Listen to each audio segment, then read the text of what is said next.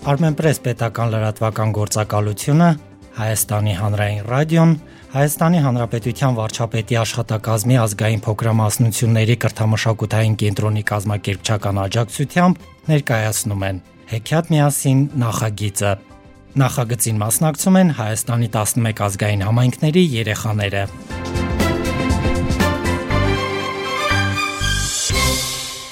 Հունական ժողովրդական հեքիաթ Պապն ու նապաստակը ներկայացնում է Հայաստանի հունական համայնքի փոքրիկ ներկայացուցիչ Ալեքսանդրա Չալիկյանը։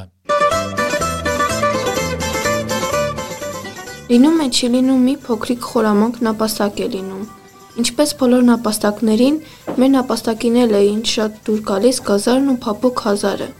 Եվ այսպես նա գտել էր մի բանջարանոց, փոսեր փորել եւ ամեն անգամ ներս մտնելով հաճույքով ուտում էր։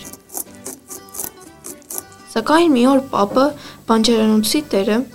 ամեն անգամ տեսնելով իր այգու բանջարեղենը ոչնչացրած,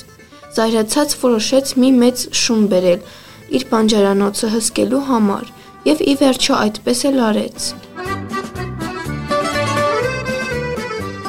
Հաջորդ օրը նապաստակը մտավ բանջարանոց եւ ինչ տեսնի, ցանկապատի ետևում մի մեծ շուն ախորժալից նայում էր իրեն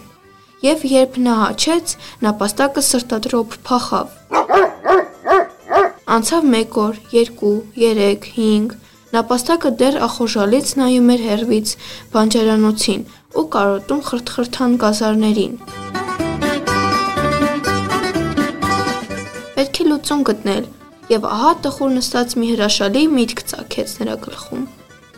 Նա վազելով գնաց գյուղ ուղիղ մսագործի մոտ։ Այնտեղ աղբանոցից վերցրեց մի քանի ոսկոր եւ մի քիչ միս ու գնաց անմիջապես շան մոտ։ Շպրտեց նրան միսը եւ ինչ շունը հարցակվել եւ ուտում էր, նապաստակը հասցրեց մտնել բանջարանոց եւ ուտել 2-3 գազար։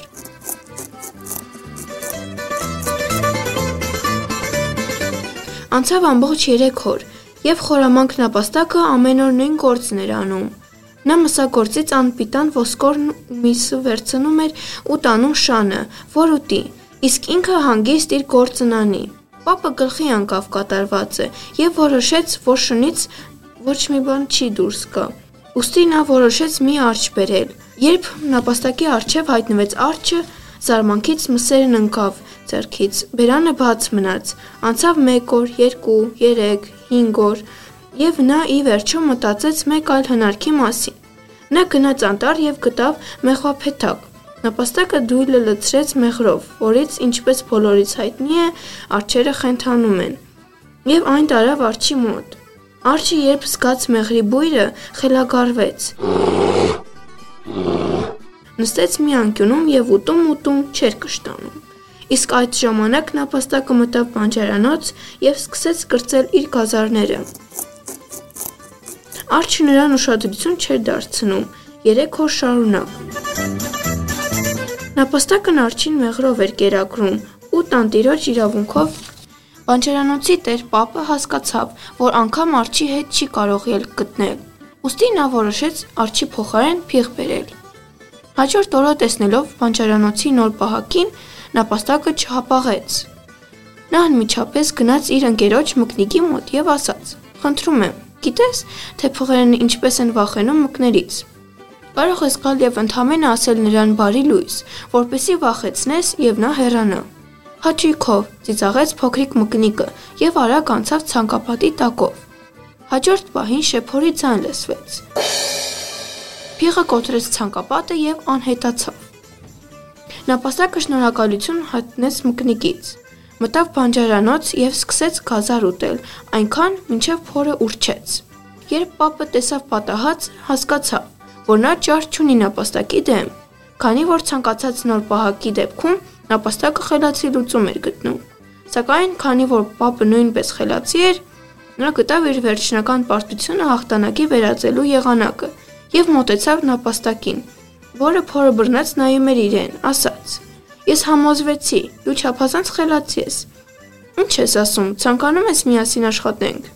Կոնկրետ ինչ նկատի ունես, հարցրեց նապաստակը հետաքրքրությամբ նայելով պապիկին։ Նայիր, դու կստանցնես բանջարանոցի խնամքը։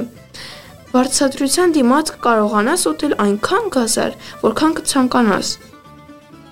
Նապաստակը մի փոքր խորհելով հանգիստ պատասխանեց. Համաձայն եմ, թխի թող գա։ Նապաստակն ու պապիկը ձերքը ձերքի տվին եւ այդ ժամանակվանից ի վեր պապի գլուխը հանգստացավ, իսկ նապաստակը առանց մեծ ջանքերի ուտում էր իր ցանկացածի չափ գազար։ Նրանք լավ ապրեցին, իսկ մենք ավելի լավ։ Հարգելի ունկնդիրներ, Պապն ու նապաստակը հունական հեքիաթը ներկայացրեց Ալեքսանդրա Չալիկյանը։